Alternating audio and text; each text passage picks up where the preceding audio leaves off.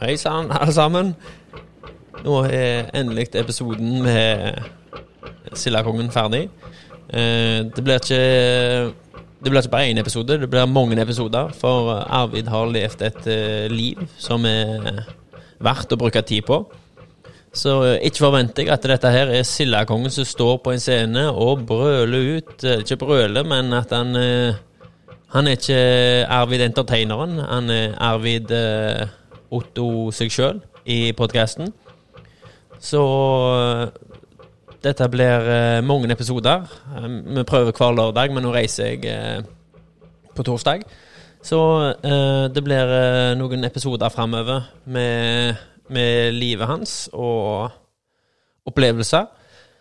Så den første nå, det blir oppveksten på Vea, skole og en av de første jobbene ved siden av ungdomsskolen. Og så slutter vi av når han begynner i eh, olja og den tjenesten her. Han kommer så vidt inn på det når han eh, fikk jobb i olja i slutten, men eh, Så dette er ikke Sildakongen sånn som dere fleste kjenner han, der han eh, har blitt gitt fem minutter for å øse ut det han kan. Her får han tida han sjøl vil ha. Så vi har blitt enige om en times episode hver gang, og han vil ha mer musikk neste gang. Det skal han få. Eh, så eh, ja, her kommer episoden. Eh, jeg syns det var kjekt å ha Arvid Otto Silden Skjold Mørk på besøk. Jeg håper dere liker episoden. Ja, vær så god. Her kommer episoden med Sildakongen, del én. Sånn, Arvid. Da tar vi opp. Nå er du på podkast. Ja, takk for det. Boblejakker, var det du kalte det? Ja, stemmer det. Nå er vi, nå er vi i gang. Nå, nå, hører, nå hører folk deg der ute i den vide verden. Med sjøsprut og måker til. Ja, det er jo bra det at de hører meg i den vide verden, for jeg har jo reist verden lite helt siden jeg var ungdom, ja. Det er ikke måte på hvordan du har vært reist. Det har jeg til og med kan velge hva skute du vil ha, hvis du vil ha en skikkelig god uh, slager. Jeg har vært på Fiskje, så jeg kjenner godt den lyden. Og så har jeg en annen som jeg har lagt inn nå. Ja, det er en, eh, det er en putremotor. En Jeg tror det er en bensinmotor fra Maren, er det? ja, det kan godt være. Nei, så begge, de to er norske båter. Så da, nå eh, er folk tyste og hører litt eh, Arvid-historier fra barndom til slutt. Nå har jeg og du blitt enige om å ta de episoder av dette. Det blir etterfølgere. Ja, jeg tror det er best å ta de episoder av at jeg vil jo ikke trøtte folk ut. For hvis jeg skal begynne å fortelle, så tar visst aldri slutt. Eh, Men det gjør det jo en gang, så jeg tror at det er mest fornuftig å, å ta dette her i episoder. Ja. Men nå er jo jeg nokså van med journalister både fra aviser og radio og fjernsyn. Og da sier jeg til dem alltid det at bare spør intelligente spørsmål, så skal jeg svare vettig på dem. Ja. Så det er jo du som er programleder, så Ja. du får styre det sjøl, ja, det det som er. Dette er jo eh, Nå har du truffet den mest amatørmessige reporteren du har truffet i ditt liv, vil jeg tro. Her er det kun preik det går i. Så Nei, det vil eh, eh, hvor, eh, Hvis vi begynner fra starten med Arvid. Hvor ble du født på Vea? Flytta opp vokst tilbake? Ja, vi kan godt eh, ta ifra eh, ja, barndommen, da, kan du si. Så Ja. vil jo jeg eh, legge stor vekt på å fortelle lyerne hvor viktig det er med en barndom. Ja, en god barndom. Og det er jo klart at de har jo fokusert veldig mye på det, disse her barneoppdragerne i dag, hvor viktig det er. Og i min tid så var det vel ikke så mange forståsegpåere i, i den bransjen som barneoppdragelse er. Nei. Men eh, hvis eh, jeg skal si et ord om min barndom, så var det en paradisisk eh, barndom. Eh, og hva jeg legger i paradisiske barndom, så er det jo klart at eh, der som jeg vokste opp i Veavågen på 50-tallet og 60-tallet, så var det et eh, homogent, gammeldags, kristelig, konservativt samfunn. Ja, det kan jeg tenke meg. Og vi hadde altså hele verden for våre føtter. kan du si, på grunn av at eh, vi ble oppfostra for én ting, og det var at vi snarest mulig skulle komme ut og brødfø oss sjøl. Ja, til kyst, da, eller var det samme? Ja, det var ikke nødvendigvis til kyst. Det var tre muligheter. Det var å reise til kyss, eller det var å begynne som fisker, eller for de som hadde litt godt vett i hodet og velstående foreldre, så var det jo da gymnaset og utdannelse. Ja. Så det var tre retninger en kunne ta. Ja. Men du, du er jo kjent for sild og fisk. Har du, det, var det der du starta òg, eller? Du har vært i Nordsjøen nå? Ja, det var det en stund etterpå, men hvis vi skal ta det tilbake. Ja, ja, ja, stegvis, ja, ja, da, så kan du si jeg var jo um, en uh, mann som En gutt som vokste opp i en såkalt storfamilie. Mm. Vi var fem unger, og besteforeldrene mine var òg rett over veien, kan du si. ja. Og vi var i en gammeldags storfamilie. Jeg ble eh, født i 1954 på Ysthusgarden på Vea, og Ja. det var da en av de største gårdene på Vea. Og vi hadde da både Vi hadde ikke kyr, vi hadde ei ku. Og så, og, og så hadde vi geit. Ja. Og så hadde vi vel um, smale litt. ja. Men det var ikke meg, det var altså slekta til far min, for vi bodde i annen etasje. Ja, ok. Og mor mi, hun kokte på primus. Hva heter mor di, da? Mor mi heter Anlaug Larsen, var født fra Telemark. Å ja, det er langveisfarende fra? Ja, hun var fra Telemark. Og det som gjør at jeg er blitt den jeg er, sier jeg, Ja. det er det at jeg er en god blanding av de sildrende bekker og fossefall i Telemark, Ja. og de store brottsjøer og fine strender som er her på Karmøyene. ja. Og derfor er jeg blitt litt frisk i takten av fossene i Telemark, og så er jeg blitt litt tung i slaget av brottsjøer på Karmøyene. Men vi vokste opp da altså der. ja. Og bare for å illustrere hvor gammeldags det var, så kokte mor mi på to primuser. Vi hadde Ja, ikke ja. komfyr, men det gjorde alle. Men vi hadde to primuser, for vi Mm. var en stor familie. Og der bodde vi til 56. Ja. Og jeg kommer veldig godt på når vi flytter derifra, den gammeldagse gården, til det nye huset på Vea. Det var i 1956. Og da var det utrolig nok Det var havreåkre på Vea. Det var, det var fiske og småbruk. De levde av mesteparten. Og der som det er byggefelter, og der som det er fotballbaner i dag, det var der husdyr Ja. som gikk og beita. Det var gårder alt, egentlig. Ja, småbruk, vil jeg si. Ja. Men Ysthusgarden, det var Du kan si at det er tre bruk på Vea. Det er jo en halvøy Vea. Ja.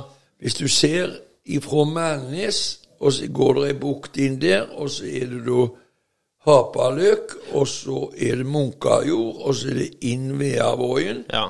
Og det er ei halvøy. Ja, ja. Og hvis du ser på gamle kart, så er det delt opp i Sevikgarden, Østhusgarden og Veagarden. Ja, okay, ja. Og jeg kom ifra den midterste Ysthusgarden. Salvøy det var liksom ei vorte som ikke var regna? Salvøy, det var jo da ei øy som var regna til Sevikgarden. Oh, ja, det var det, ja. Ok. Ja. Ja, for den brune på Salvøyene, den går ifra Sevik og over til Salvøy. ja var brune der da når du var liten? Nei, Nei. brune den kom vel i uh, 6 eller 2050, det er jeg ikke Ja, sikker ja. på.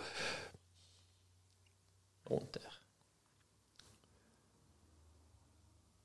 Å ja, det er jeg som skal gi deg nå? Ja, ja, reagerer så, så må du spørre. Da må jeg spørre, ja. Så blir det jo ensformig tyt. Ja, ja, ja. Og det Nei, kan men vi jeg- ikke ha. jeg- Dette her skal jo være en fin samtale mellom Ja, meg og deg. ja men jeg, det er jo det, jeg setter jo pris på å høre deg. Det er du som sitter med historiene. Det, Ja, men- men jeg skal fyre på. Skal vi, nø, For men, det ikke blir for ensformig for lyerne. Ja. Når jeg løfter neven, så nå, skal du da er det, komme da er det min tur. Ja. ja, ja, skal vi gjøre. Nei, for eh, Men hva, hva var det første yrket ditt? da? Etter skole og reiste du rett til skyss? eh, Busserud synge? Nei, jeg har lyst til å fortelle litt mer om oppveksten. Ja, for mer om oppveksten. På grunn av at uh, den hadde så kolossalt mye bety. Ja, ja. I og med det at uh, vi fikk en barnelærdom som var veldig nyttige, og Ja. det var at det skulle være orden i rekkene. Det var strengt. Ja. Vi eh, fikk ikke lov å spille fotball om søndag, f.eks. Mm. Vi måtte gå i svarte dress og hvite skjorter, selv om vi bare var en 28 år gamle. Ja. På grunn av alt var synd. Ja, stemmer. Men det høres brutalt ut.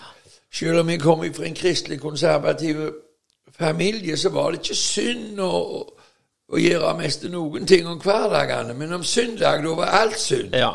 Så det var en god balanse på det. Ja, For de vasker ikke klær eller noen ting på søndagen? Ikke spytter, ikke vaska klær, ingenting. Da var det hellig dag. Ja. Og jeg glemmer aldri hvor, hvor strengt det var. Ja. Og besteforeldrene mine var i live. Bestefar min han var jo norsk-amerikaner. ja. Hvor eh, kom han fra Amerika, da? Nei, han var norsk-amerikaner Ja, på ja. den måten som hadde fra Vea og her på Vestkarmøy. Reiste jo til Amerika under de harde tidene Ja. på 30-tallet. Så han reiste i 26 til New Bedford, Massachusetts, i Amerika og fiska skallop. Og var vekke faktisk i 14 år og kom hjem i 39. Ja. Og da bygde han seg et svært hus på Vea der og starta forretning. Og oh, ja. bestemor mi de hadde jo ja, forretning der nede i. Mm. Og jeg kommer jo veldig godt på han, og jeg kommer på alle de sjeldne tingene han hadde i huset sitt, og det var amerikanske effekter som han hadde tatt Ja. Hjem. Han hadde longhorn eh, som eh, garderobestativ, og han hadde mye amerikanske greier. Fikk han dollarglise med seg i òg, eller? Nei, det gjorde han ikke, men han var en av de første som kjøpte bil på VR. Han beste. Ja. Kommer til å kjøpe bil da. Nei, du vet at det var jo eh, Stavanger òg, eller? Nei, det var rasjonering på biler etter Ja. krigen i Norge, så det ble ikke frigitt før i 62. Oh, ja. Så han hadde en gammel, en gammel brukte Chevrolet. Ja. Så han kjørte i da, for han uh, likte godt å kjøre, og Ja. ungene fikk jo være med han. Og det var en type så de, Han heter Alfred A. Eberhard Mørk, Ja. og han hadde mye å fortelle, og lærte meg veldig mye. Er oppkalt etter han, du, da? Med Ja, jeg er det. Jeg heter Arvid Otto, så, og han heter Alfred, og bestemor mi heter Olava. Så Ja, det har vi det. Arvid Otto. Ja. Men det som jeg skal fortelle etter han, Ja. Det var det at når jeg vokste opp, vet du, det var da da altså Han krydra jo sild og, og dreiv sildeforretning. Ja. Og, og salta på sild, og vi hadde skøyter, og han for til Island og hadde ting, den karen der, så han var veldig uh, foregangsmann. Og Ja. tok med seg mye fra den skallopfisken fra Amerika, naturligvis. Ja. Men eh, jeg kommer på, før jeg begynte på skolen, så var det jo ingen som hadde råd til ski. Det var jo ingen som kjøpte ski til ungene sine. Nei. Og det var veldig lite skigåing på Vea da. Det Men snø var der. Snø var der, og med kjelka og rann i bakkene. Ja. Men vi visste jo om ski, men vi fikk ikke ski før vi liksom var begynte på skolen. Men den beste, han snikra tynnestaver til meg. Og det er vel ikke alle som veit hva ski av tynnestaver er i dag. Jeg jeg ser for meg tønne, så må det være korte ski.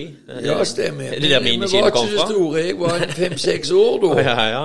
Og jeg glemmer aldri når han lagde de skiene til meg, og det tror jeg jeg vil fortelle om. Ja, det vil jeg Og det står så klart før meg den dag i dag. Jeg var ikke begynte på skolen, jeg var vel en fem-seks år. Og det var snø og dype snø, og jeg maste jeg ville ha ski, men det fikk vi jo naturligvis ikke. For det var ingen som hadde råd til ski. Nei. Men han beste han visste råd. Han tok ei tynne, og så slo han den sånn.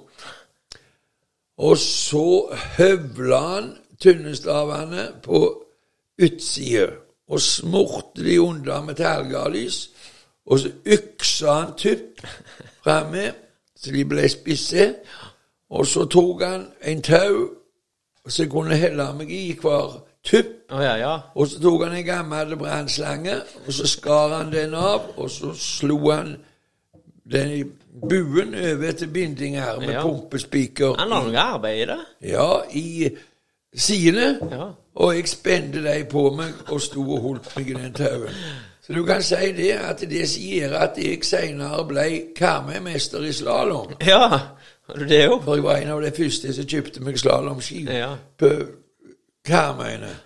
Det var at jeg hadde lært meg balanse på tynne staver. Og Ja. jeg er en av de få på min alder som har stått på tynne staver. Og de hadde jeg lenge og sto på skiene gjennom bakkene i de tynne stavene. Det glemmer jeg aldri ut. Til og med susen rundt ørene kommer. Ja, ja, ja. på hva jeg hadde på meg, til og med. Ei blå oljebukse og ei gule trøye Ja. og gule sydvest når jeg sto i bakkene på de tynne stavene. Så det kjærte godt inn i karet til far min. Ja. Og ja, det var far din, det? Nei, Ja, bestefar. Bestefar, ja, ja, ja. Da er jeg med. da er jeg med. Steike meg. Og det ble til og med filma av en misjonær, og den filmen har jeg sett. Oh, ja, vel. For det ble filma i bakkene der når ungene lekte, så Ja. denne her misjonæren skulle ha med seg til Afrika og vise negerungene han Arvid Otto på hvordan de hadde det oppe i Norge. Og den filmen har jeg sett. Men hvor han er blitt av i dag, det vet jeg ikke. Husker du hva misjonæren heter, da? Nei, det kommer jeg heller ikke på. Men jeg kommer på det ble vist på bedehuset. Ja, ja, ja, ja, med heldige, så dukker de gjerne opp. Ja, det betyr ikke så mye, men jeg kommer så godt på det. Ja. Det var et barndomsminne da du spurte etter, og det Ja, har ja. fortalt om. Ja, da var det min tur. Skal vi se, hvor er vi nå, da? Nå er vi i, vi er i barndommen ennå. Ja, det var, Minner nå var det ski. før jeg skal begynne på skolen nå. Ja, når du begynte på skolen, da gikk du på VR på skolen. Jo, det var helt greit det òg for, for meg, for jeg hadde en eh, Ei eh, gammel tante hjemme, Ja. der som jeg bodde, i ugifte. Jeg bodde i samme hus, hun, da. Ja, de var stor familie som bodde i samme hus, og, og, og de var flinke å lære oss, Ja. de gamle. Så jeg kunne vel ikke lese og skrive før jeg begynte på skolen, men eh, jeg visste veldig godt om hvordan det skulle gjøres. Når vi kom på skolen, så fikk vi god oppdragelse. Så, så det var finpussen vi lærte på skolen, Ja, ja, ja. Men de lærte oss veldig mye. De gamle, både besteforeldrene og foreldrene våre òg, men de var jo så opptatt med å skaffe det daglige brød. Men det var helst til besteforeldrene og hun gamle ugifta tanten, hun heter Hanna, Hun som bodde i den storfamilien, ja. Ja.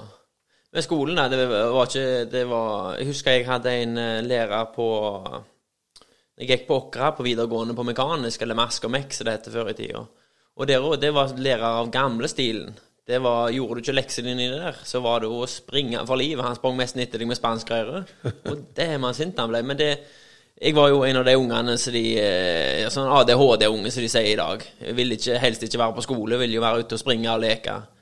Men det året jeg gikk med han, og hjelpe meg så flink eh, jeg var på skolen da, for hvis jeg ikke gjorde de leksene, så ringte det rundt ørene. Han var så sint. Men han fikk jo styr på oss. Fytti så han fikk styr på oss. Ja, jeg vil jo si det at jeg skal ikke komme eh, mye inn på hva, hva som ble gjort for å få styr på oss på grunn av det at um, Jeg pleier å si når folk spør meg om jeg fikk juling En pryl, som det heter da. Ja. Det er klart at vi fikk pryl. Alle fikk pryl, både Ja. i heimeskole. Men vi fikk akkurat passelig med pryl, Ja. slik at det ble folk av oss. Ja, ja, ja. Så jeg, jeg vil ikke komme inn på det, for det er et ømfintlig tema Ja, i dag er det iallfall i dag. Ja. For men jeg har aldri hatt vondt av den prylen Nei. Nei, det er det for det står jo skrevet at den som elsker sin sønn, tukter ham tidlig. Ja. Og vel, vi skal ikke komme inn på det, men Nei. du nevnte så vidt ADHD. Ja. Du vet at det, i den gjengen som jeg gikk på skolen, så hadde jo alle ADHD. Så det var helt greit. Da var ikke noe unormalt. Nei. Alle var ville. mye likt ennå på VR, tror jeg. Ja, det er det ikke så mye damme folk da. Ha er kaffe, jo. Ehm, ja, skolen Ja, eh, men du gikk barneskolen? Var, var det noe videregående du gikk, eller var det rett Nei, altså, jeg var jo eh, Ja, for, for å sa det rett ut, så var jeg eh, en flink elev. Ja, for du- har voldsomt godt ordforråd, og du er flink å snakke for deg, så en plass må du jo det har komme jo fra. ikke noe med det å gjøre. Det har jo Det lærte du hjemme? Ja, for å sa det rett ut, så hadde vi så stor respekt for foreldrene våre og lærerne at det som du sier, at vi måtte kunne leksene Ja. skikkelig. Men Ja. jeg tror jeg er en av de første inne på Karmøyene som eh, ble sendt til skolepsykolog. Sier du det? Og årsaken, den er litt spesiell. Ja, nå er jeg spent. Du vet at når vi var ferdige med barneskolen, så var vi jo en av de første som begynte på ungdomsskolen på Åkra. Ja. De som var født i 1954. Og det var jo ingen som ville det, vet du. nei. De ville jo reise til skyss Ja. etter de var konfirmerte, enn Ja. enn å komme seg ut på, i Fiskjen etter en annen. Eh, Altså, vi var jo, vi var jo skoletrøtte, ja. Ja. ja etter, barneskolen så var dere skoletrøtte? Ja, Ja. For, og foreldrene òg var ikke så begeistra for den ungdomsskolen. De Nei. ville jo ha ungene sine ut. De slapp å brødfø oss. Ja, ja, ja. Det var det var om å gjøre å få, få de ut, de, eller, så de kunne brødfø seg sjøl, ungene. ja, ja, ja. Det var det som var hovedmålet. Ja.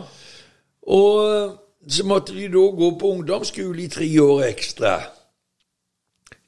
Og det var jo da sjuende, nei, åttende og niende var det da. Ja. Det var to år på ungdomsskolen, og så ble det tiende for de som ville. Oh, ja. Men det var ingen som ville gå på ungdomsskolen. Men vi måtte jo det òg. Og, og når jeg kom til ungdomsskolen Jeg var jo Jeg ADHD. Jeg var, jeg var, jeg var veldig Ja, jeg var en god gammeldags jævlunge, for å si det rett. ja. Men det var jo ikke noe vondt i meg for det. Nei. Men jeg, jeg var veldig virksom. Ja. ja. De, og, og, og, og de visste jo ikke si arme råd, og, og de måtte jo da få en spesialist. Og det var skolepsykolog. Og det glemmer jeg aldri ut. Nei. Ja, Hva var det som skjedde før dette? Jeg visste jo aldri hva en psykolog var, jeg. Og, og foreldrene mine de var jo irritert og sinte på at et, han Arvid sånn deres liksom skulle til psykolog. Det var Uhørt? Ja, det var uhørt. Men Ja. jeg kom iallfall til skolepsykolog. Ja. Og den skolepsykologen, det var én ting de, For de kunne ikke forstå at jeg som var såpass glupe, var en av de umuligste. Det var det. oh, ja, ja. For de umulige de skulle ikke være best i klassen. Nei. Men jeg var liksom en av de beste i klassen, og, og den umuligste i klassen. Og det var det de ikke fikk Ja, ja, harmonere. Ja. Og derfor sendte de meg til skolepsykolog. ja. ja. Da var jeg med. Og skolepsykologen han fant jo ikke noe galt med meg, han, for det var jo en velutdannet mann, og han hadde litt erfaring. Men han eh, kom til det resultatet at det var ikke noe annet enn at jeg var skoletrøtt. Ja. ja. Jeg ville til skyss eller ville til ja, arbeid. og, og, og da var det altså to alternativer. De skulle sende meg til så en oppdragelsesanstalt for umulige ungdommer. Ja.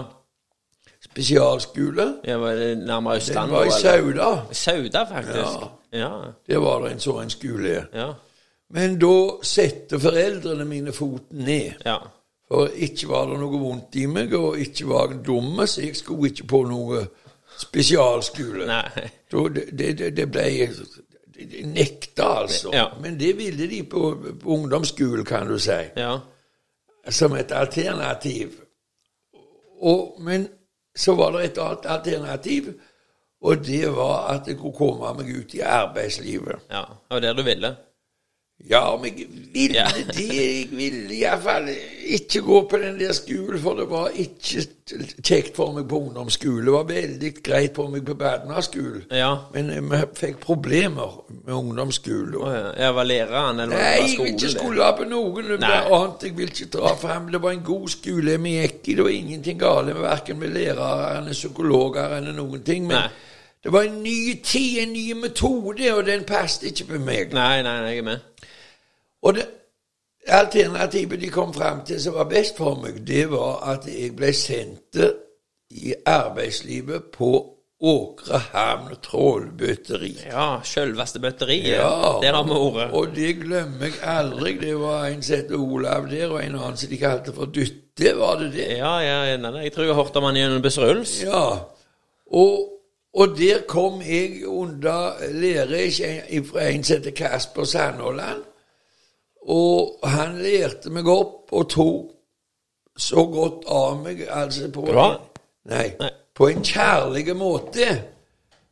Og der fikk jeg en veldig god arbeidslyst og god opplæring, så jeg kan ikke få skryte nok Nei. av det trålbøteriet. Og kan du spørre hva jeg gjorde på der? Jo, Bøta satt jeg og knytte dorjer. Oh, ja. Jeg lagde dorjer og harper og knytte opp all slags sorter fiskeredskaper. ja. Og, og han lærte meg all slags knuter, og det kunne jeg jo ifra før, for på Vea der hadde vi sjøspeiderne. Ja, ja, ja, stemmer. På Vea der er det en som heter Håkon Aasbø, Ja. og han engasjerte seg veldig i ungdomsarbeidet. Ja.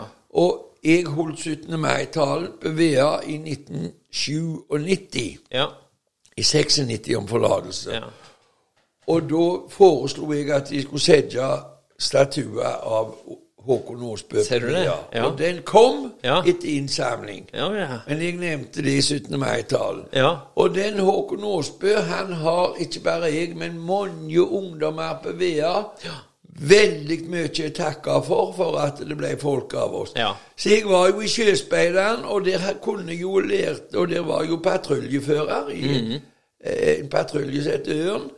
Og jeg var en foregangsmann og ledertype der. Ja. Og når jeg kom på trålbøteriet, så så de jo det at jeg kunne med tauverker, og, så at så setter de meg tilsnører og tauverker og så et arbeid. Ja. Og der var jeg faktisk i mest et helt år. Men så syntes de det var gale at jeg ikke kunne ta eksamen da.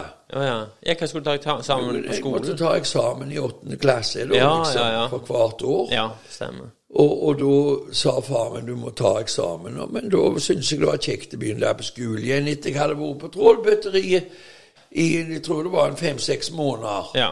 Og da gikk det greit, det. Og så Ja. gikk jeg da på niende, litt på trålbøtteriet da òg, men jeg tok eksamen da òg på Ja. niende. Og etter det så begynte jeg faktisk på handelsskolen Ja. i Haugesund. For far min sa det var veldig nyttig for meg å gå på handelsskolen, for jeg fikk jo gode resultater. Ja. Og jeg, ikke noe problem. Jeg kom rett inn på handelsskole, fikk gode resultater der òg. Og, og når jeg var ferdig da med det, Ja. da var jeg 17 år, så, så da ville jeg til kyst. Ja, Ja. Da måtte jeg til kyst. Da var det på tide Nei, sa far min, nå må du vente et par måneder. Du må ta sertifikatet først. Ja, på bil, da? På bil oh, ja. før du reiser til kyst. Ja. Så slipper du iallfall tenke på det. Ja, ja, ja. Han var veldig framsynt, han pappa. han. Og så tok jeg da sertifikat til bil, Ja. og jeg hadde ikke før fått sertifikat i lommen, så reiste jeg rett til sjøs. og siden har jeg vært på sjøen. Ja. Og, og ja, ja, jeg har ikke vært bare på sjøen, altså jeg regner jo på sjøen når du er i Nordsjøen òg, jeg. Ja. Men jeg har vært 20 år til sjøs, tre år i handelsflåten, Ja. og så har jeg vært 17 år i offshoreflåten. Men imellom der så har jeg vært 20 år på oljeboringsplattformer. Og så har jeg altså bygd Sildakongen Produksjon, det som heter Sildakongen Industrier i dag. Ja. På Utsira i midlertid og på fritid har jeg gjort mye løye. Og det har vært veldig skøy. Så du kan si at mitt liv har vært handel, industri og sjøfart. Ja, ble- og entertainment. Ja. Du ble jo titulert som en handelsmann. Ja, altså jeg liker å kalle meg for skipper og handelsmann. Det er det, ja, God ja. gammeldagse skipper og handelsmann. Men, Ja.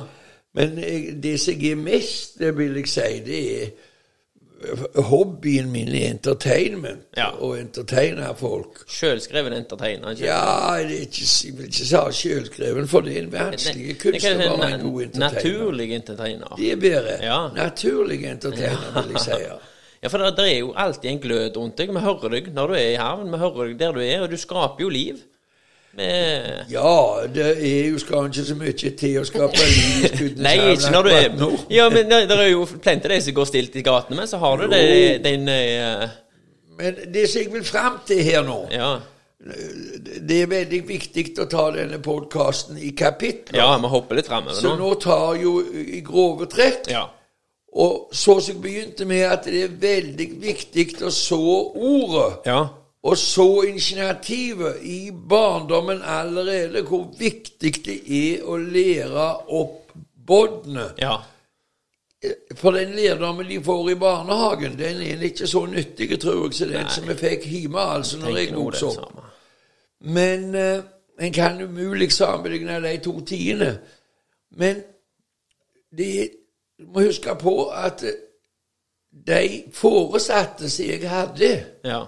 enten det var foreldre, eller om det var fritidsleirer, sånn som Håkon Aasbø, Ja. eller de gammeldagse skolemestrene, det var røynde folk. Ja. Og selv om de ikke kunne titulere seg med de høyeste titlene, slik som psykolog, mm. eller doktor ditt, en Can mag That, Ja. en er hovedfagsinnehaver That, en er ditt, Ja.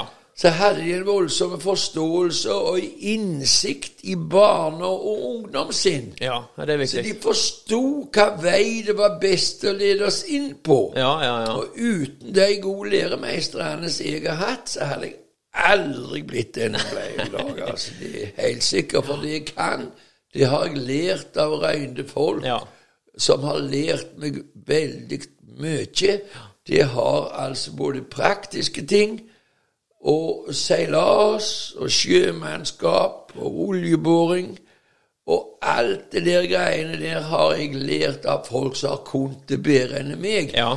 Det må vi aldri glemme ut å være takknemlige for de fantastiske Ja, læremestrene jeg, jeg er helt enig. Jeg snakket med en annen som var her på podkast etter Kenneth. Om, eh, da var det sveisere vi snakket om. Og Ja. det er jo ofte hardbarka folk som det- De er flinke å lære ifra seg. Det er den typen uh, Mer som fiskere og sånn. Så du, er, du er i et, et fag der er stor stolthet i. Men det, det, det, der er, i de gruppene så de, de eldre garden der er så flinke og kan jobben så skikkelig. Ja, og så forstår de hvilken måte de skal gå fram når Ja. de skal lære Ja. ungdommen. Og som jeg sier, allikevel så er de ikke, de er ikke redde for å gi deg ansvar. Nei. Får du ansvar, så, så, så blomstrer du til. Ja. Det, en, eh, mor mi sa jo det om unger, at du får de ungene du fortjener. Så det er jo litt i det at du eh, Er du flink å, å, å si ifra, og du, du skaper jo ungen din sjøl ifra starten av. Det, ja, hvis du tar deg tid til det, det er viktig. ja, det er akkurat det. Men Det- hvis du er mer opptatt av mammon og materialisme, og så bare leverer ungen ifra deg i badnerhaien som en annen bult, vet du, for du sjøl skal slave for mammon, da kan du ikke forvente de store resultatene med en gang. det er jo litt sånn det blir i dag. Det er barnehagen. Alle skal i Ja, de er. Men nå nærmer vi oss eh, på tynn is. Det er ikke det vi skal snakke om. Nei, nei, det er helt sant. Det er det. Eh, men hvor er vi nå, da? Nå, er, nå har du vært bøtteri batteri i et år. Du er utseminert fra 8. og 9. klasse. Jeg har tatt handelsskole, og jeg har tatt safrikater. Ja. Da bar det til skyss! Da endelig Og jeg er en av de få som har opplevd trelastfarten på Murmansk og Ja. trelastfarten på Arkangelsk. Hvor hen? På det er rett ved siden av Murmansk. Oh, ja, ja, ok. Ja, ja, ja. i eh, nord der. Og jeg har skrevet mye fine dikt. ja. Det kan, kan jeg stoppe deg der? Ja. Sildakvaden, har du skrevet den sjøl? Ja, det har jeg. Jeg har skrevet en hel bok med dikt. ja, jeg vet det. Og neste gang, i neste kapittel, Mm.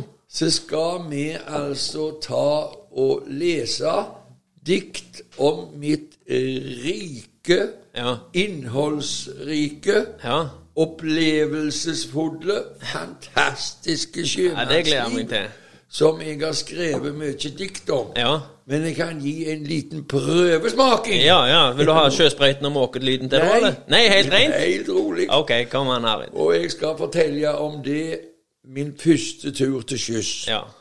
Nå Jeg har ikke sånne romantiske forestillinger som mange reiste til sjøs og, og havna på varmen og hula-hula-piker. Og jeg havna Den første båten, det var altså en som heter Vadas, Og den gikk i trelastfarten på Arkangelsk, Ja. og ifra Arkangelsk og ned til Alexandria i Egypt. Ja. Og når jeg reiste til første gang, så måtte vi ha sjømannssekk, vi måtte ha full utrustning, vi måtte ha oljehyre, ullunderklær, all slags gode ullklær, Ja. sjøstøvler, kjeledress Alt måtte vi ha sjøl, for det Ja. var rederiet, de spanderte ingenting. Og øh, jeg skal jo ikke gå i detaljer på det der greiene, men det var jo øh, om våren trelastfarten begynte. Jeg reiste kyss den 2. mai i 1972. Da hadde jeg nettopp tatt sertifikat, for jeg fylte 18 år den 18. mars. Og, og reiste da inn til øh, Ålvik i Hardanger. Ja. For der hadde den båten som jeg skulle gå om bord i, lossa eh, råstoff til Bjøvlefossen, fabrikken som var der, og så var det rett derifra opp. Ja. Og når vi seilte langs etter norskekysten og forbi Lofotveggene, Vesterålen og rundt Nordkapp, så var det så fint vær, kommer jeg på, at det var blankt hav. Og så kom vi inn i Kvitesjøen, og der begynte det å bli kaldere. Og så kom vi altså inn til Arkangelsk. Ja. Og der ble vi liggende en hel måned, for da var det jo kommunist der oppe. Så du kan si vi kom der oppe i slutten av mai, og ble, var ikke innlasta før i slutten av juni. Og da skulle vi til Alexandria i Egypt med den lasten. Og det var som et Det var akkurat som å komme tilbake til 1800-tallet. Og der oppe i Arkangels, der var det tre fortauer, og det var gamle, falleferdige hus bare i tre. Ja. Og, og gata, den var altså bare sagmugg, og det var hest og kjerre. Ja. Og første gang jeg drakk øl i mitt liv, sånn skikkelig sterkt øl, Ja. det var der. Ja, var det, ja. Og, og ble litt pussa òg. og, og det kan jeg fortelle om. ja, nå var vi spente. For jeg, vi kom der og skulle låse, og det, jeg var jo jungmann om bord. Ja. Og den jobben som jeg fikk, det var å stå nede på kaien Ja. og være tallymann. Ja. Og det var jo hestekjerra der oppe, vet du. Og, Ja. og kommunister var en soldat som sto på baugen, en med gangveien, en på puppen. Ja. Og det var veldig strengt. Og så var det som når stuere mm -hmm. som sto om bord og stua på eh, plank. Og så var det s- plankakjører på den, og så var det kvinnfolk som leste på ja. Og de var, var jo i, fattigslig kledd i noe gamle som sånne vatterte jakker fra krigens dager. Nei, det var Jeg kommer på jeg ble veldig overgitt over hvor galt det var. Ja. Men så hadde de en pause midt på dagen, Ja. og der kom det en gammel hest. Og den drog altså på ei tynne. Og oppi den tynna var det øl. Det visste jo ikke jeg. Men jeg var jo på kaien i sammen med dem som tallymann. Ja. Og eh, så stoppet denne her hesten med denne kjerra med denne svære tynna. Det var en voldsomt svære tynne. Ser du? Et svær Det var sikkert én meter i, i diameter, var mer. Det er blitt noen flotte ski, tenkte du? Ja, jeg, jeg var ikke den formen på den. Nei, var ikke det. Jeg Alle stilte seg i kø Ja. bak den tunna. Køkultur, det hadde de, for det var kø overalt når Ja, de var ja, ja. ut mat. Og jeg stilte meg òg i køen, Ja. de var snille. Og det var jo ungdommer, det akkurat som meg. Vet du, disse her unge det det, ja. soldatene. Ja, sånn. ja. Still deg i køen du òg, liksom, sa de. Og jeg stilte meg i køen. Og så var det et svært krus. Og så tappte han øl oppi det kruset, og så drakk de. Det var mye større enn det, men de drakk det opp i én sup. og så var det til stille seg hvis du skulle ha mer, da. Så måtte du stille deg bakerst i køen. Ja. Ja, for du fikk mer? Ja. bare, det Så var lenge den timen varte. Oh, ja, okay. For det var strenge på klokka. Og så stilte jeg meg opp i den køen, jeg òg. Og når det var min tur, så drakk jeg opp i ett sup, jeg òg. Og jeg kommer på et godt post med ikke kålsyre i det, men det var, det var akkurat som et Vossaøl. Det var- Tamt. Ja, men det var godt òg, for det var kaldt, ser du. Ja, ja. jeg hadde kjølt av, det vet ikke. Det var sånn kjellerkoldt. Ja, for det var på sommeren, dette. Det var sommeren, Ja. og det var godt øl. Ja. Og jeg stilte meg på bak igjen. For det var flere sånne stasjoner her borte gjennom. ja. Og jeg fikk i meg to krus før Ja. de ringte med klokka. Og da kom jeg på og kjente at jeg ble litt sånn Jeg visste jo ikke hva det var, egentlig, men jeg forsto etterpå at da hadde jeg fått en liten ølrus av det. Og så var det Tallyman på nytt. ja. Og da var det mye kjekkere andre Ja, ganger. og, og, men vi ble jo kjørt til på sjømannsklubben, og der var det som noen studiner som vi danste med, og vi fikk komme opp på bibliotek, og vi fikk sightseeing, og alt var gratis. Ja, Fordi de russerne var veldig opptatt av oss å gjøre et godt inntrykk på utlendinger, selv Ja. om det så fattigslig ut. Og Ja. vi fikk gå til tannlegen, og det var helt gratis. Alle for til tannlegen. ja, ja. ja. For, for da fikk de fri fra jobb, og pluss at de fikk sjekka tennene, selv om de ikke hadde tannverk. Så, så ba de seg en dag fri da for å gå til tannlegen. Kommer godt på det. ja. Men når vi hadde vært der en hel måned lasta, og da sokk inntrykket mer inn. Ja. Og da skrev jeg dette diktet. Ja, nå. Og jeg kan jo lese det Det er jo på 20-30 vers, men jeg kan iallfall lese Jeg kan det utenat. jeg Ja, kan det lese jeg ikke i på. 20 av dem hvis jeg vil det, men jeg kan begynne. Jeg tar en to-tre, da. Som sjømann jeg kom til Arkangel, og så at jeg på soldater var mangel. De sto der like tett som skogens trær og slo sammen sine kolde tær. Dette for å holde de varme. Jeg tenkte, Ivan, du arme.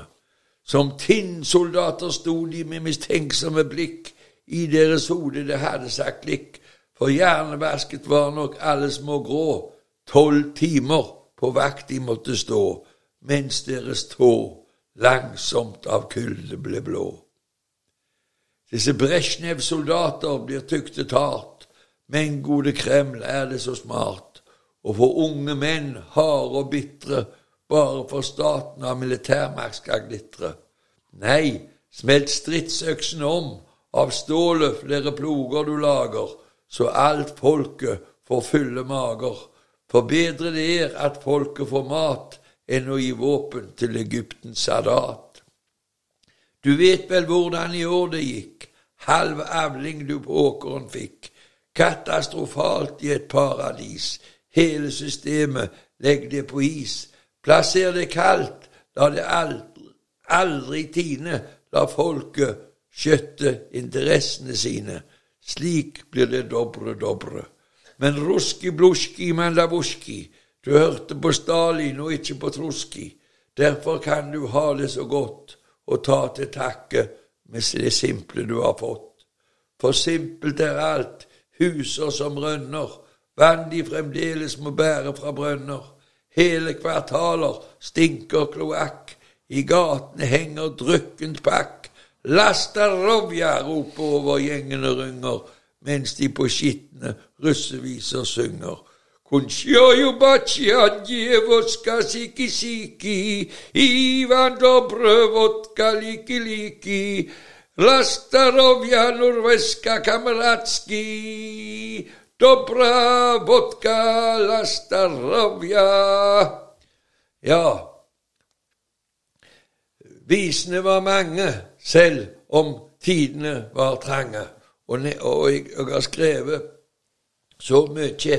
Men salige er de treskallede, for de skal ikke drukne. Gi den røde flamme, for alt de måtte slukne. På blodrød bunn ligger sigd og hammer. Symbolet er årsak til mange jammer. Iallfall for oss sjømenn som til Arkangen må gå. En hel måned vi der oppe lå, bare for å laste noen planker. Er det det rart vi har skumle tanker om innflott, eksportless og alt det andre? Vi kan ikke annet enn på dem klandre når de med skinnlue på sine ører hver dag til oss brøler. Maybe you leave tomorrow. Dra dit pepperen går, tenkte jeg da de fra båten for. Noen forlystelser er ikke i diktet nevnt, men det har Ivan for alltid glemt. Derfor jeg sier i denne stund det jeg mener i bunn og grunn, at setter vi igjen kursen mot Barentshav, så går jeg til skipperen, og så mønstrer jeg av. Så setter jeg min kurs mot Østens palme og sukker igjen Ivan, du er med. Men det er jo blitt mye bedre nå. Dette her er jo snart 50 år siden. Det er utrolig. Det er bra. Det er kjempebra. Der er, der er, der er rim, og der er, men det er jo en historie bak det som er Ja, men og jeg har mange flere vers på denne. Det.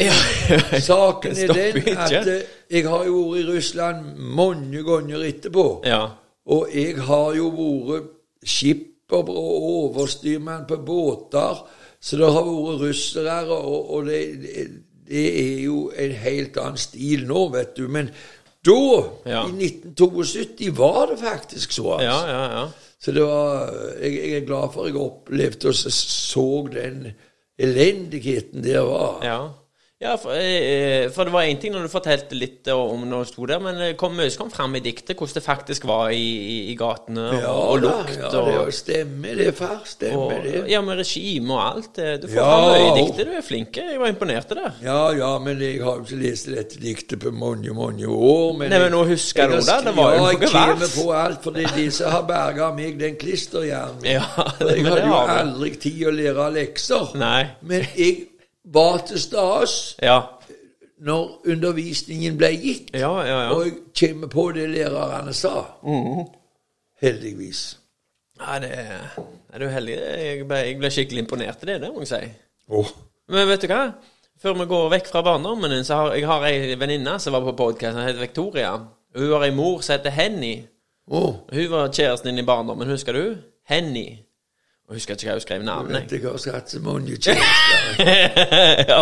jeg sa du aldri om å husker navnet. Nei, Henny. Jo, Elise ei fra tror du. Ja, det skal du se Ja. vekk ifra. Jo, jo, ja, Nordante, ja. Ja, de fine, flotte damer var gode danser, den Henny. Ja, det kan jeg tenke meg.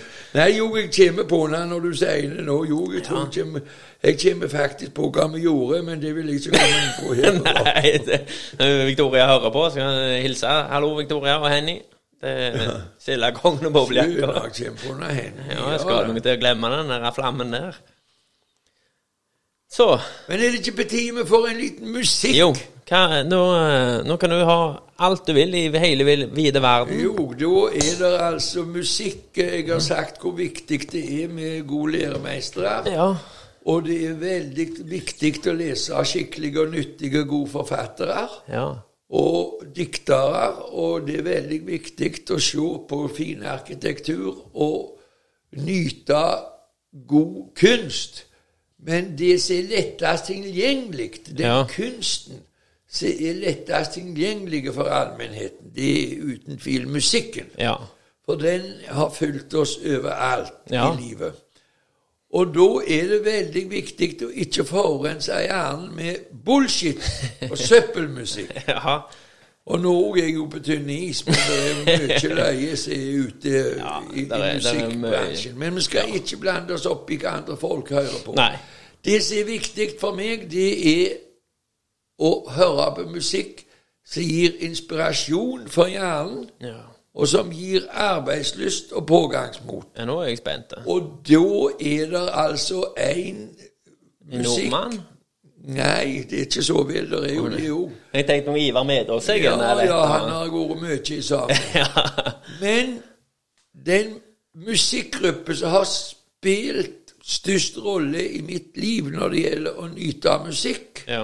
og har gitt meg de djupeste tankene til å gå i dybden, det er uten tvil Pink Floyd. Ja, stemmer. Du har snakket om det tidligere. Og da vil jeg at du skal skrive den melodien som Pink Floyd har skrevet til meg, Jo. og alle andre galninger Altså. Shine on, you crazy, Crazy diamond. Diamond. Ja, det var det jeg tenkte. det den. Ja. Den får du spille. Den skal vi spille. Og den har gitt meg mye Ja, det er flott. Den varer jo en stund. Den varer jo i 13 minutter. Ja, du trenger ikke spille så lenge, men du kan spille det viktigste teksten. Ja, se her. Kom an.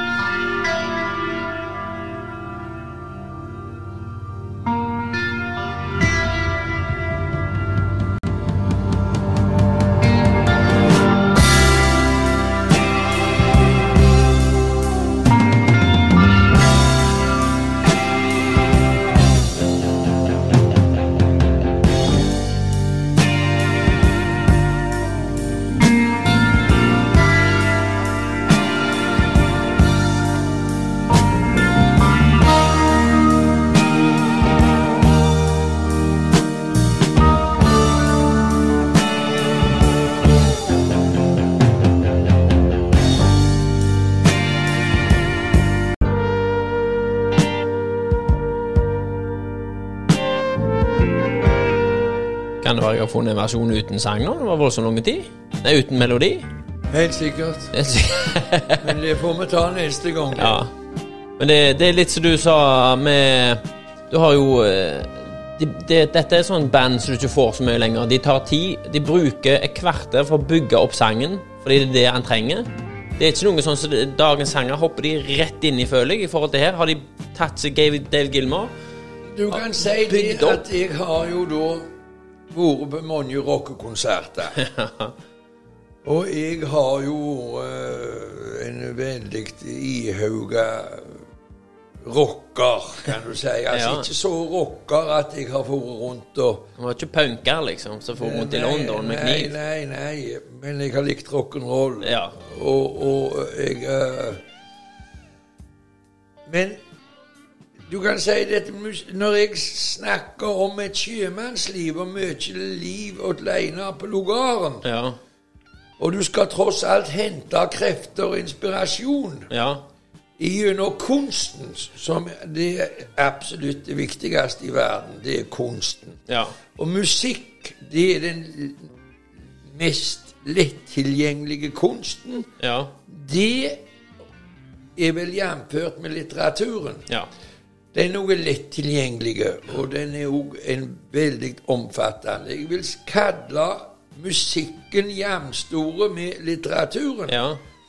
og den som kom konstant. først, det var naturligvis musikken. Ja. Den, hvis du tar det kronologisk, hva menneskene først begynte å nyte av kunst, Ja. så var det jo klart det var det første de nøt, det var det øynene så, altså den visuelle kunsten. Ja. Den andre var audiovisuell. Ja. Musikken i naturen og i vind. Mm.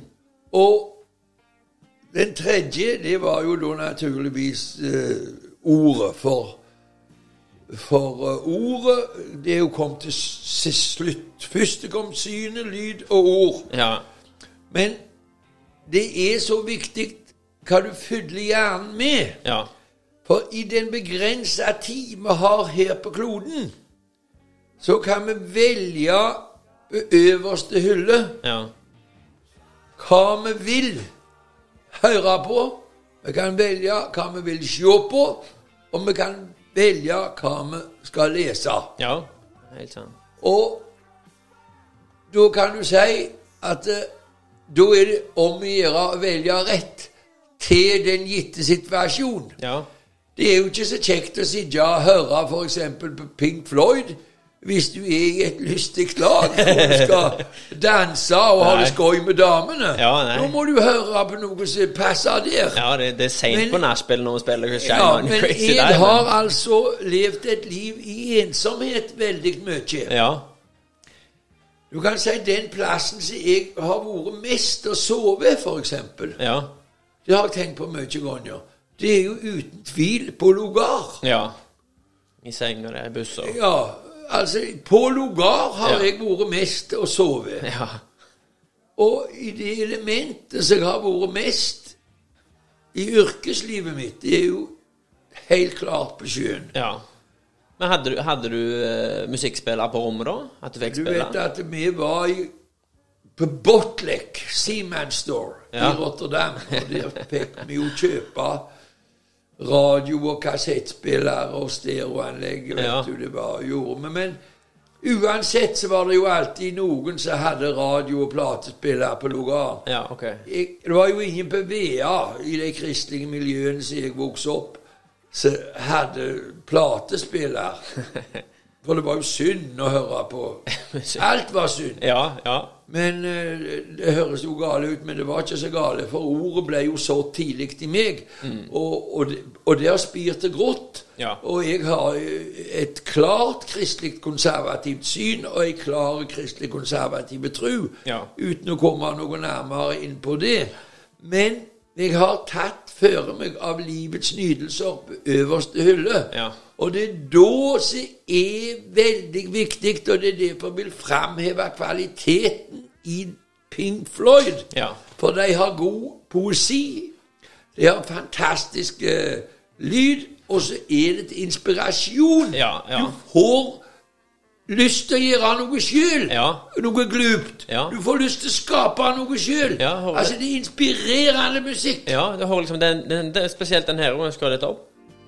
Selv om han er voldsomt nedpå, så går han liksom litt opp i bølger hele veien, sangen. Så han, han bygger deg opp. Det, det er flott musikk, Pink Floyd, altså. Men så er det den der 'Shine On You Crazy uh, Diamond'. Ja. Det, han sang det. Du. Ja, han var nettopp her nå. til å vente. Nei, han kom til Hvis du kan spole det tilbake ja. før vi setter den av, så kanskje publikum får høre det. Nå er jeg minnet på det. Skru litt opp nå.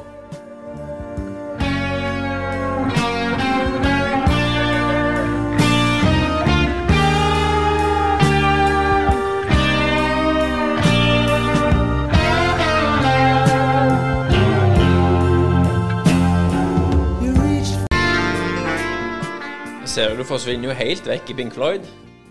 Ja, jeg liker veldig godt Pink Floyd. Og så må vi ikke glemme at dette her er 50 års gammel musikk. ja, det er utrolig. Og så bra den dag i dag. Der er, der er noe kvalitet. Det, det står gjennom tida, det. Ja, Altså. David Gilmore sa jo det at når han lagde en plate Dark Side of the Moon, Ja. så sa han jo det at eh, det går ikke an å lage finere musikk enn det. Og da tydeligvis at de var fornøyde med det. Men ja. Selv om jeg er ihuga Pink Floyd-fan, så må du ikke tro at det er bare det jeg hører på. Men jeg sier det at når du sitter alene på en lugar, en er ute så, og kjører bil mye òg, så, så liker jeg å, å høre på sånn musikk. Ja.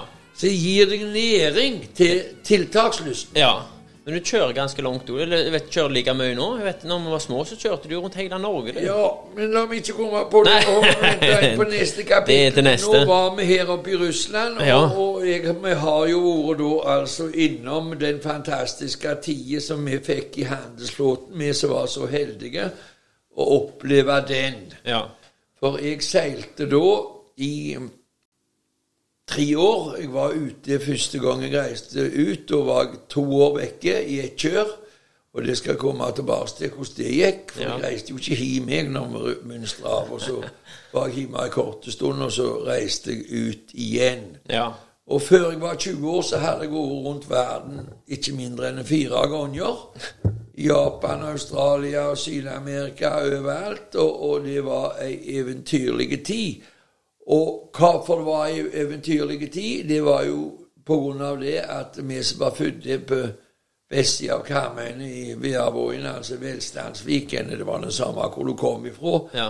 Vi kom ifra et forholdsvis stengt og gammeldags samfunn, og så kom vi ut i den store verden, og så ble vi altså internasjonale sjøl veldig korte tid, for vi var ute. Det var ikke sånn som nå, at når de reiser ut, så er de en måned, og det første de spør om, ja, når skal de hjem, når skal de hjem? Ja. Altså, de får ikke kjangs til å bli internasjonale. Nei. Men vi var vekke i to år første gang, og Ja. da ble vi Vi lærte oss engelsk flytende. Ja. Og vi lærte oss internasjonale skikker og manerer, og vi ble internasjonale i hodet. For vi kom ikke hjem Nei. og kom nedpå igjen. Så vi kom jo hjem med spisse sko og, og, og dongeribukser og silkeskjorter og eh, langt hår og gullringer i ørene, vet du. Så eh, det var ei, eventyrlig tid. Nå er det eh, Google, nå, så Å ja, er det Google? Det ene vasker dama, det. Men så er det slik at uh, Da vil jeg avslutte denne bolken. Vi mm. kan bli enige om at vi skal ta en liten eh, time hver lørdag. Ja, passer godt med rundt er en time. Ja. ja, når du er hjemme. Så vi ikke trøtter ut folk. Så skal jeg ta diktboka mi og kan fortelle forskjellige villmannsepisoder òg, som jeg har vært med på. Men eh, den eventyrlige tida i handelsflåten, Mm. hvor vi var 50 000 medlemmer i Norsk Sjømannsforbund Ja. I 1974, Ja. og hvor det, altså handelslåten slukte 50 000 ungdommer minst i året Ja. som ble eh, offiserer og maskinister og skippere og oljebårer og, og alt. Og det var den retningen far min hadde peilt ut for meg. Du må bli kaptein, Arvid, sa han. Og du må seile i tre år for å få begynne på styrmannsskolen. Ja. Og når jeg kom hjem etter tre år, klar til å begynne på styrmannsskolen, da var jeg altså 20 år, enn jeg skulle bli 21. Og da ville jeg begynne på styrmannsskolen, men så sa far min til meg Du må begynne på olja. Det er det som er framtida nå. Det var han som peilte deg inn der, da, ja. ja, Ja. og så kom han med ei gammel avise som han hadde tatt vare på, Stavanger Aftenblad. Her, sa han, her står det annonser at de trenger folk i et selskap som heter Moran International Drilling Company. ja. Og jeg reiste til Stavanger om morgenen og ble intervjua. Og der satt det en mann i Tananger. Jeg hadde jo rynkt i forveien. Ja. Og så sp- spurte han Do you know how to speak English? Yes, sa jeg. Jeg kunne jo flytende engelsk. Jeg hadde jo vært på Raggedeisen i Amerika.